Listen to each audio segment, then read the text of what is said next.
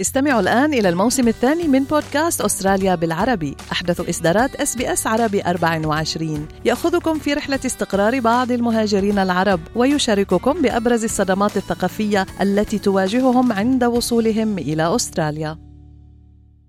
أنتم برفقة إس بي إس عربي 24 في هذه النشرة اجتماع طارئ لمجلس الأمن الدولي إثر مقتل الفلسطينيين أثناء توزيع مساعدات في غزة.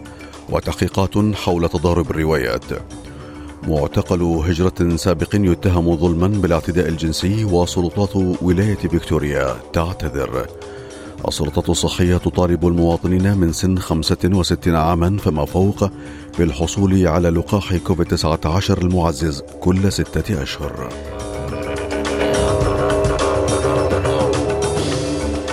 علاء التميمي يحييكم وعليكم تفاصيل النشرة. يجتمع مجلس الأمن التابع للأمم المتحدة خلف أبواب مغلقة اليوم بعد إعلان وزارة الصحة في غزة عن مقتل حوالي 140 فلسطينيا خلال عملية توزيع مساعدات شمالي القطاع إذ يعقد الاجتماع الطارئ بطلب من الجزائر.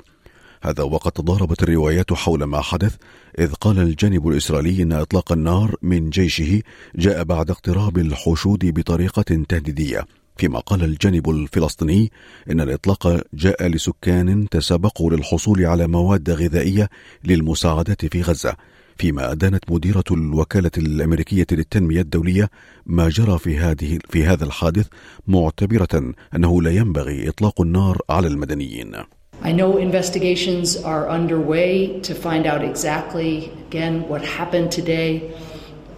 But again, a core principle that applies everywhere USAID and our partners work around the world is that desperate civilians trying to feed their starving families should not be shot at.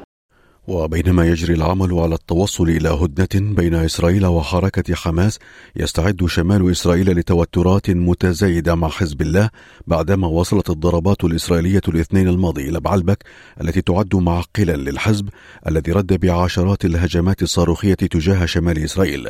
فيما قال رئيس حكومة تصريف الأعمال اللبنانية نجيب ميقاتي اليوم إن الهدنة التي قد تبدأ في قطاع غزة الأسبوع المقبل ستؤدي إلى محادثات غير مباشرة لإنهاء القتال على طول الحدود الجنوبية اللبنانية. في شأن ذاته أعلنت نيوزيلندا أمس أن الجناح السياسي لحركة حماس يعتبر كيانا إرهابيا كما أعلنت حظر سفر لعدد من الذين ارتكبوا هجمات عنيفة ضد الفلسطينيين في الضفة الغربية فيما قالت صحيفة نيوزيلاند هيرالد إن نيوزيلندا تتبنى موقفا ثابتا يعد أو يعد المستوطنات الإسرائيلية في الأراضي الفلسطينية انتهاكا للقانون الدولي. وأصدر رئيس الوزراء النيوزيلندي كريستوفر لوكسون ووزير الخارجية وينستون بيترز أمس بيانا معتبرا أن حماس بجميع أذرعها تتحمل مسؤولية الهجمات في خطوة تعني تجميد أصول الحركة في نيوزيلندا وحظر تقديم أي دعم مادي لها. فيما شدد البيان أن هذا القرار لا ينعكس على الشعب سواء في غزة أو في جميع أنحاء العالم وأن الدعم الإنساني والتنموي سيستمر لفائدة المدنيين في غزة ومواصلة نيوزيلندا في دعم إقامة دولة فلسطينية ضمن حل الدولتين تفاوضيا. هذا واندلعت الحرب بين إسرائيل وحركة حماس في السابع من تشرين الأول أكتوبر عقب هجوم حماس على إسرائيل ما أدى لرد منها لتندلع الحرب بين الطرفين. أما في العراق فعاد التصعيد ليتصدر المشهد بعد أن هددت الفصائل العراقية باستهداف الوجود العسكري الأمريكي هناك مع تصريحات زعمت بالنارية من زعيم تحالف نبني هادي العامري. على هذا التصعيد قال مراسل إس بي إس عربي 24 في العراق أشرف العزاوي. الحكومة العراقية تحاول بشتى الطرق استخدام الورقة الدبلوماسية في إخراج القوات الأمريكية ولكن آه، آه، الجانب الأمريكي لم يعطي موقف واضح بهذا الصدد وهذا يشير إلى أن الموقف الأمريكي ربما بهذا الخصوص يعني يدخل في حسابات إقليمية معقدة كل المعطيات الحالية تشير إلى أن المواجهة بين الفصائل العراقية وأيضا الوجود العسكري الأمريكي ذاهبة باتجاه التصعيد أكثر من أي وقت مضى. في ولاية فيكتوريا اتهم محتجز هجرة سابق خطأ كان أطلق سراحه بعد حكم من المحكمة العليا بالاعتداء الجنسي وجاء ذلك إثر ادعاء امرأة تعرضت للاعتداء. يزعم أن شخصا قام بمطاردة شخص في ضاحية ريتشموند في ملبورن يوم الثلاثاء الماضي. وصرح المحققون أنهم اتهموا رجلا خطأ وقد تم إسقاط التهم عنه. فيما اعتذر قائد الشرطة في الولاية مارك جاليوت للرجل الذي تم القبض عليه بالخطأ. As soon as we became aware of this issue, we have rectified it. On this occasion, with further evidence, it is clear the person arrested is not the offender, and for that we are sincerely sorry that this person has been detained. As indicated, we are still piecing this together. في جانب صحي طالبت السلطات الصحية الأشخاص الذين تزيد أعمارهم عن 65 عاما إلى آخرين يعانون من ضعف المناعة. هم مؤهلون للحصول على لقاح معزز لكوفيد 19 كل ستة أشهر وذلك بناء بناء على توصية المجموعة الاستشارية الفنية الأسترالية للقاحات في برنامج التطعيم ضد فيروس كورونا لعام 2024 وتنصح الفئات العمرية من البالغين الحصول على جرعات معززة كل 12 شهرا وكذلك الأطفال الذين يعانون من ضعف في المناعة والذين تزيد أعمارهم عن خمس سنوات عدا الأطفال الذين يتمتعون بصحة جيدة فلا يحتاجون لهذه الجرعة. ونبقى في الجانب الصحي حيث كشفت إدارة السلع العلاجية أنها ستعمل على منع الصيادلة من تقديم أدوية وخلطات إنقاص الوزن عبر الإبر تحريا لسلامة المواطنين بعدما أدى الطلب المتزايد على أدوية كأوزومبيك ومونجارو لعلاج السكري الذي يستخدم لفقدان الوزن مما قد يؤدي إلى مشاكل ونقص مزمن في أستراليا. في سياق آخر أعلنت نقابة الطيارين وقوع بعض الاضطرابات في جدول رحلات بعض شركات الطيران الإقليمية والرحلات الأخرى. فيما تتصاعد المفاوضات بين نقابة الطيارين وإحدى شركات كوانتس إذ لا, إذ لا يزال أكثر من 200 طيار من شركات الطيران نتورك أفييشن وكوانتس لينك متوقفون عن العمل اليوم الجمعة مع استمرار التوقف الأخير لمدة ثلاثة أيام بسبب مطالبهم برفع الأجور. وقالت نقابة الطيارين أن الطيارين يعتزمون الإضراب الأربعاء المقبل لمدة 24 ساعة بالإضافة إلى ما سبق الإعلان عنه وهو التوقف عن العمل ليوم واحد يوم الاثنين. وفيما يتعلق بالسوق العقاري لوحظ ارتفاع طفيف في أسعار الإسكان في استراليا في شهر شباط فبراير مع التوقعات بانخفاض أسعار الفائدة حيث ارتفعت الأسعار بنسبة صفر بالمئة فاصلة ستة بالعشرة بعد أن كانت صفر بالمئة فاصلة أربعة في العشرة في شهر يناير الماضي.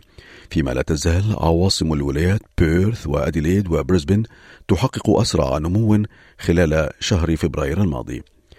في ولاية فيكتوريا وحول حرائق الغابات يراقب رجال إطفاء الحريق الذي شب في غرب ولاية فيكتوريا فيما يعمل المحققون لمعرفة أسباب اندلاع الحرائق بعدما تم احتواء حريق في منطقة بايندين الذي اندلع في أكثر من 22 ألف هكتار غربي بلارات بعد أسبوع من بدايته.